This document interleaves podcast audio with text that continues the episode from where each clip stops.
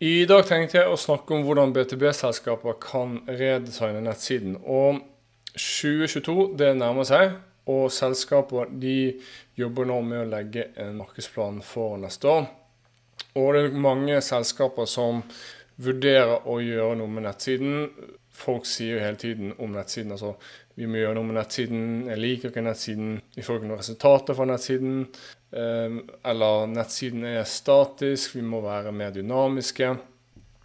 Men så er det veldig få som har en klar plan på hvordan man skal redesigne nettsiden, slik at den faktisk leverer resultater. Og for den gjennomsnittlige BTB-bedriften så vil en periode på 90 dager være nok til å produsere og lansere en helt ny nettside. Veldig ofte så kan, kan det ta mye lengre tid enn det. Men det kan så klart gå raskere eller tregere, avhengig av omfang, antall sider, kompleksitet, om du trenger avanserte funksjoner på nettsiden. Men for de fleste BTB-bedrifter, hvis de har en riktig prosess, så vil man klare å lansere en helt ny og effektiv, eh, godt designet nettside på 90 dager eller mindre. Så i dag tenkte jeg å snakke om redesigning av nettsider for BTB-bedrifter som ønsker å bruke nettsiden til å generere flere henvendelser. Eh, eller hvis du har et software-produkt, at du får flere registreringer, flere som registrerer seg for en eh, gratis prøveversjon. Så ikke snakk om nettbutikker og applikasjoner og den type ting, men BTB-bedrifter som vil starte flere saksomtaler via nettsiden. Og I dag tenkte jeg å snakke om prosessen, hvilken rekkefølge du bør gjøre ting. Eh, valg av CMS, eller Content Management System, så vi har Wordpress og andre løsninger. Eh, og hvordan alt det her eh, hjelper deg å lage en BTB-nettside. Så det første spørsmålet du må tenke gjennom, er jo om du egentlig trenger å redesigne nettsiden. Så før du faktisk begynner med en sånn prosess, så kan det være at din nettside kun trenger endring i struktur, et tydeligere budskap, eller gjøre det enklere for kjøperne å, ta kontakt eller kjøpe. Det kan være at nettsiden og budskapet ser bra ut, men den er vanskelig å administrere, så kanskje du skal migrere nettsiden til et annet CMS, men så beholde eh, alt sånn, eh, slik at det ser likt ut eh, for, for, for besøkende. Det kan være at du bare trenger å legge til en blogg f.eks., eller ha en marketing automation-løsning, slik at du kan ha landesider av blogg og den type ting på et subdomene. Så er det ikke alltid at du trenger å redesigne nettsiden fra scratch. Men i hvilke situasjoner bør du redesigne nettsiden? Så det første er jo hvis besøkende ikke får noe verdi, og det ser du jo eh, via, ved at du får lite trafikk. Eh, ingen henvendelser, det er lavt engasjement kanskje konverteringsraten er lav.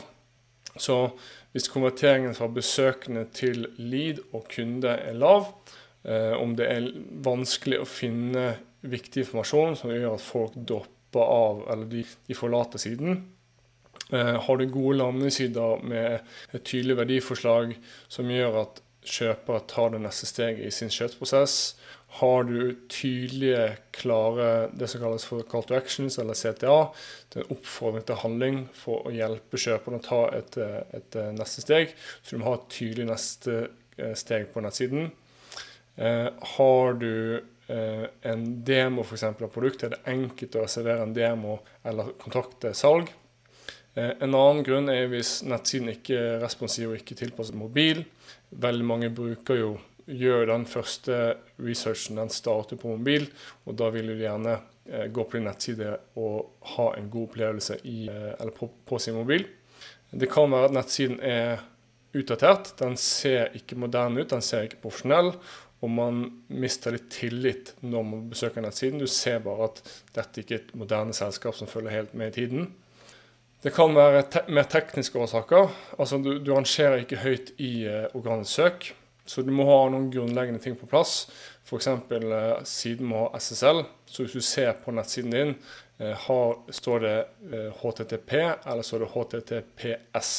Dette, Uten å gå for mye inn i det tekniske, så handler dette om eh, sikkerhet, og at informasjonen mellom bruker og server er sikker.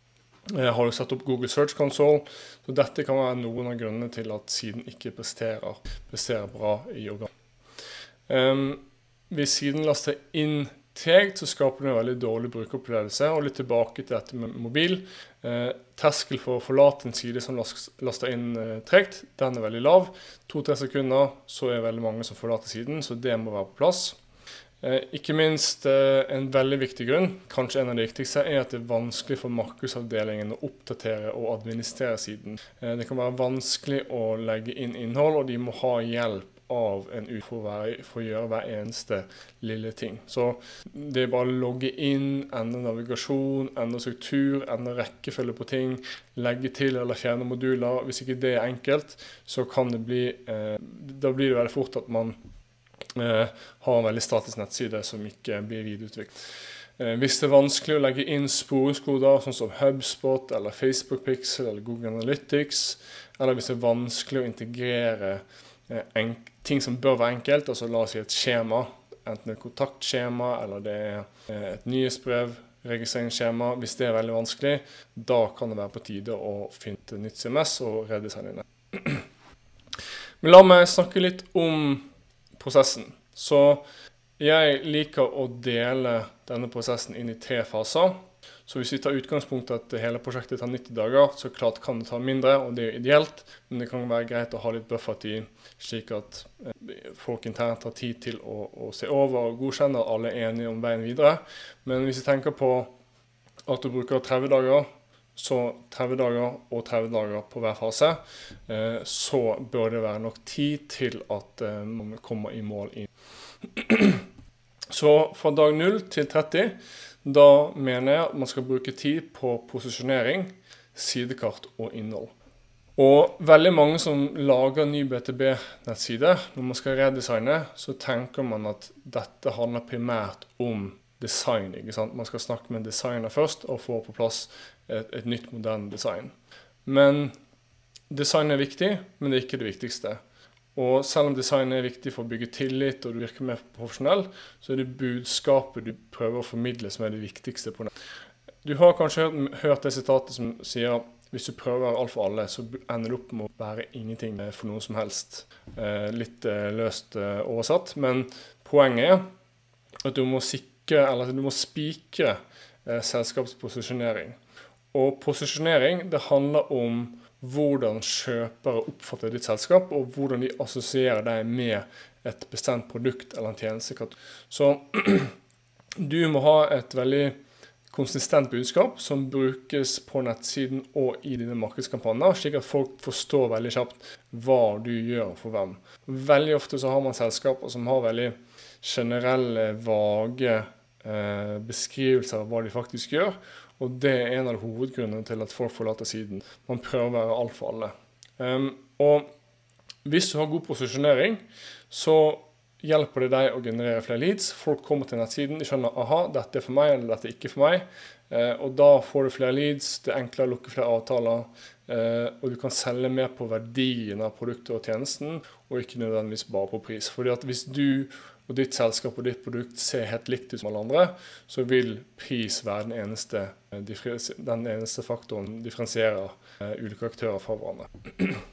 Så dette med posisjonering det handler egentlig om at eh, å forstå at nettsiden handler ikke om deg og ditt selskap og løsningene de selger, men heller mer om kjøperens behov.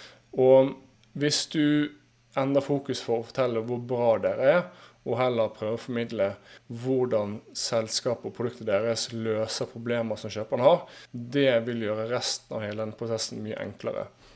Så en enkel formel du kan bruke, er hva du gjør for en bestemt målgruppe. Så jeg kan si å snakke og lage en egen eh, episode om posisjonering, men veldig forenklet. Der har du på en formel som du kan bruke. Så hvis du har definert din ICP, eller ideelle kundeprofil, og du har satt det inn i målgruppens utfordringer og hvilke resultater du ønsker å oppnå, eller de ønsker å oppnå. eh, det lar deg forstå hvilke sider du trenger for nettstedet, og det lar deg gå inn i neste trinn, som er å lage et sidekart. Og et sidekart er jo en oversikt over de ulike enkelte sidene på ditt nettsted, eh, og hvilken informasjon din målgruppe har behov for. Så du lager rett og slett en liste over de sidene som skal implementeres på ditt nettsted. Og når du har laget den oversikten, så lager du innholdet. For en av de absolutt største feilene bedrifter gjør, er at de designer før de lager innholdet. Men det bør jo faktisk være motsatt. Så tilbake til posisjoneringen og fokuset på kunder. Du bør utforme innholdet slik at kjøper forstår verdien av det du selger, og forstår hvordan din løsning løser deres problem. Så skriv innholdet først, og så lar du designet på å understøtte budskapet.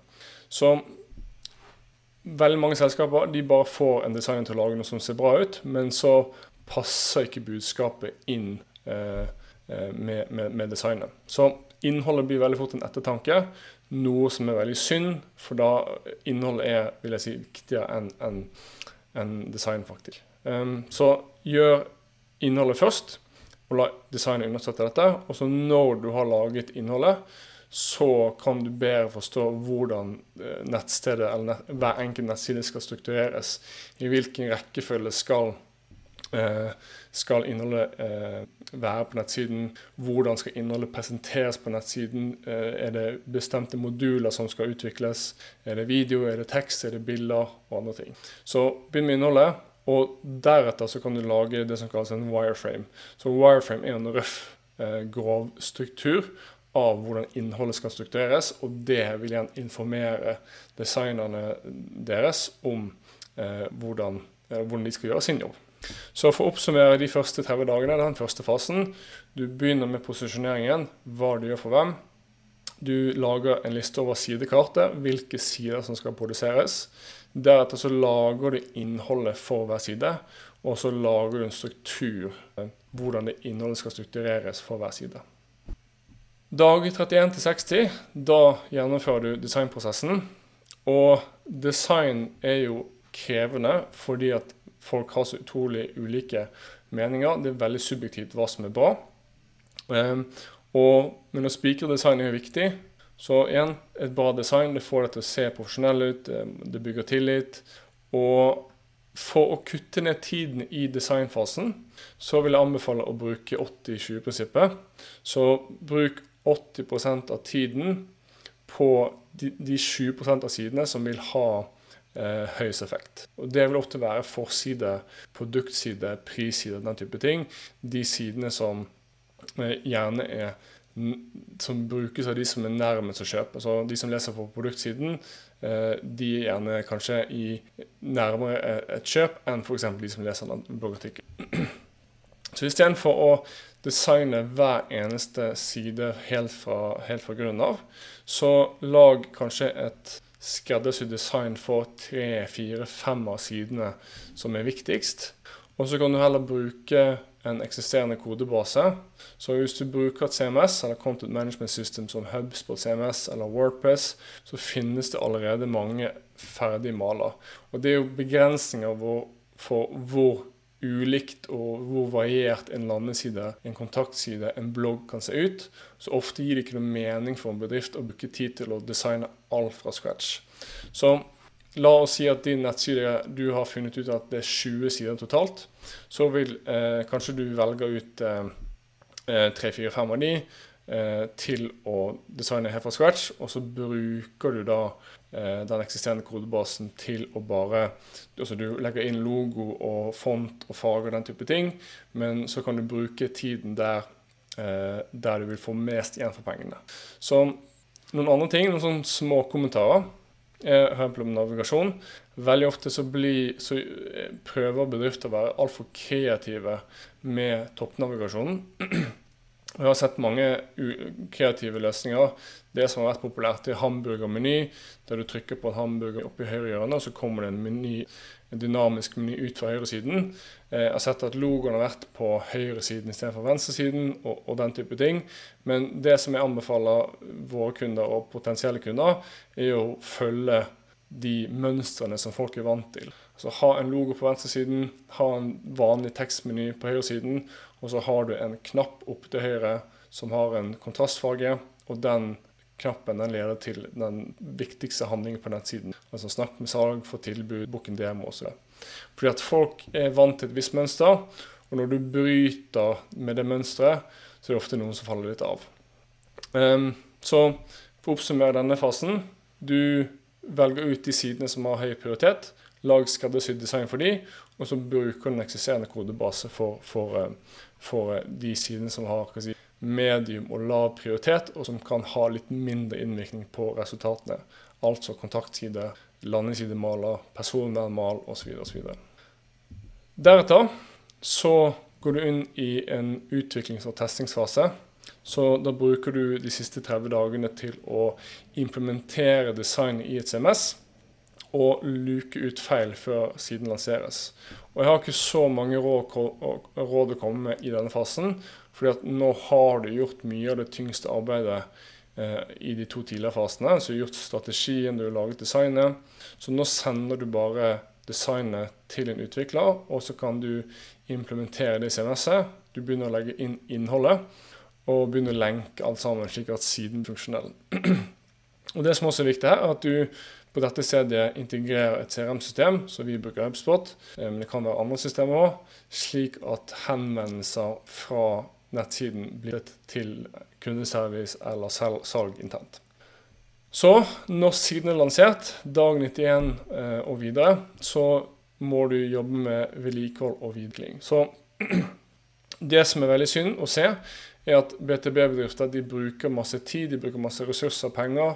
De bruker kanskje et eksternt byrå som lager en fin nettside, og så gjør, skjer det ingenting med inntil man skal redesigne nettsiden om to-tre år. Og det som du må sørge for, er at du velger et CMS, som igjen Content Management System, så det er måten du på en administrerer innholdet på nettsiden, som gjør det enkelt for markedsavdeling å endre og legge til innhold på nettsiden. Fordi hvis du får, begynner å samle inn masse data, du ser hvilket innhold som fungerer, hvilke sider som gir mest kommenteringer, og hvilke kilder som gir mer trafikk osv., så, og så, videre, så er jo poenget med nettsiden at du skal bruke den informasjonen til å videreutvikle siden og løfte resultatene ytterligere. Så det må være enkelt for en markedsavdeling å legge til landesider, legge til skjema, eh, legge til bloggartikler, og at det ikke er masse tekniske hindringer i veien. da. Så hvis du har en, et CMS som kan være vanskelig å administrere, så er det fort eh, at du ender opp med å bare ha en statisk nettside som aldri får noe synlighet, som aldri har noe innhold eh, i seg, som ikke er noe interessant for potensielle kunder. Og da har jo du kastet bort mye av de ressursene på en nettside som egentlig ikke kommer til å gi resultater. Så da er kanskje spørsmålet hvilket CMS du bør velge. Eh, og det er veldig mange, det er ekstremt mange valg der ute. Og du bør selvfølgelig velge hvilket CMS du skal bruke før starter denne prosessen som jeg nettopp beskrev. Så hvis formålet med nettsiden er at den skal generere leads, starte flere salgssamtaler eh, eller flere registrerer seg for produktet ditt, og du er på en typisk BTB-bedrift som har produkter av høy verdi, lange salgsprosesser eh, og gjerne flere beslutningstakere er involvert, og det er behov for mye informasjon før man er klar til å kjøpe, så anbefaler vi HubSpot CMS. Det er det vi pleier å anbefale først. Så det finnes mange gode løsninger. Wordpress er jo det mest kjente. Eh, Webflow er veldig bra. Eh, Craft CMS er bra. Men det er en rekke grunner for hvorfor vi anbefaler HubSpot CMS. Det første er at det er bygd opp på et CRM-system. Så HubSpot CRM er jo gratis.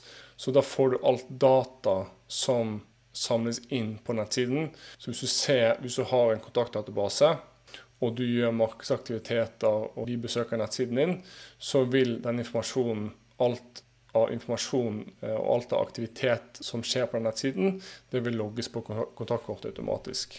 Så det er utrolig enkelt å implementere skjemaer. Så nettsiden skal jo brukes for å samle inn kontaktinformasjon, enten med kontaktskjema, nyhetsbrev, Det skal, det, kanskje du har et event. Så du, med Hubs på CMS er det utrolig enkelt å la Du har en drag and drop-editor som gjør det utrolig enkelt å Eh, bygge og implementere skjema på nettsiden. Det finnes utrolig mange integrasjoner, så du slipper å integrere du slipper, du slipper å utvikle egne løsninger og egne integrasjoner. Eh, med tanke på alle de skjulte kostnadene ved å bruke eh, Warpress, da snakker vi om SSL-sertifikat, webhosting, lagring av filer, videohosting, landesidebygger Eh, lage en fin blogg, alt det her, så er det inkludert i prisen. Så HubSpot eh, er jo ikke open source, det er en SAS-løsning som du abonnerer på og betaler månedlig. Eh, men det er en fordel. Alt er pakketert, slik at du har alt du trenger i, i, under én pris. Eh, du har innebygde SEO-verktøy. Og så har du det som kalles en What you see is what you get-editor. Så hvis du er en ikke-teknisk markedsfører som ikke kan HTML, CSS og Javascript, så kan du enkelt redigere. Det er en drag and drop-editor som gjør at du kan enkelt redigere innholdet på, på nettside. Men hvis du er utvikler, så har du også tilgang til utviklerverktøy. Der du får den granulære kontroll over hvilke moduler og maler hvis du ønsker det. Eh, det er inkludert eh, støtte for flere språk. Så hvis du skal ha eh, en side på norsk, men også på svensk eller på engelsk, så er det innbygget. Veldig enkelt å implementere. Og så er det veldig rimelig å starte. Så HubSpot CMS starter vel på 25 dollar per måned. Og da kan du ha opptil 15 sider på nettsiden din. Og så kan du opprette sju landesider, og så har du ubegrenset antall, antall bloggartikler. Så det er det vi pleier å anbefale våre kunder. Men hvis du har f.eks løsninger som, som, Wordpress eller Craft eller, eller, Webflow, så kan du integrere Hubspot eller Salesforce eller andre CRM-systemer eh, med nettsiden. Det er heller ikke noe eh, problem, men det er iallfall det som vi mener er idealet. Så du har alt det på ett sted. Um, og veldig mange som har en teknisk bakgrunn, de tenker jo ofte at de har sine preferanser. Uh, og de, de, foretrekker kanskje Warpress fordi det er åpen skillekode, eller at uh, Webflow er bedre for designere. Men nettsiden er jo et, en del av et større bilde. Det skal jo være et verktøy som driver med leads, kunder og salg. Og da må uh, verktøyene snakke sammen med verktøyene. Eller nettsiden må snakke sammen med verktøyene som markedbruker, som salgbruker, som servicebruker. og da er det ideelt å ha alt på en plattform. mener jeg. Så For å eh, konkludere så kan du gjøre denne redesignprosessen i tre deler. Du velger først et CMS som gjør det enkelt for personer som ikke har så mye teknisk kompetanse, å administrere og oppdra siden. Så begynner du å definere posisjonering, hva du gjør for hvem. Deretter lager du sidekart. Deretter lager du innholdet. Deretter så velger du ut hvilket, eh, hvilke sider som er høyest prioritet, som vil ha høyest innvirk på dine resultater. Så igjen, hvis det er 20 sider som, som du skal lage totalt, kanskje du lager skreddersydd design for 3-4-5 av de, og så velger du å bruke en eksisterende kodebase, en mal, enten i Wordpress eller Hubspot eller andre CMS-løsninger, slik at du kutter ned utviklingstid og tiden det tar å designe. Um, og så bruker du da disse malene for sidene som er av lav til mediumprioritet. Så jeg håper det var hjelpsomt. Ganske kort eh, episode i dag. Håper at eh, de som skal redesigne en nettside, at de fikk noen ideer i dag. Så hvis du hører på, så, og du har andre spørsmål, enten knyttet til BTB eller nettsider for BTB, eller andre spørsmål innenfor BTB, markedsføring og salg, så kom gjerne og meld deg på Nettly Live. Eh, så holder livesending hver onsdag klokken syv. Så du kan gå på nettlig.no slash live for å melde på. Håper at eh, vi ses der.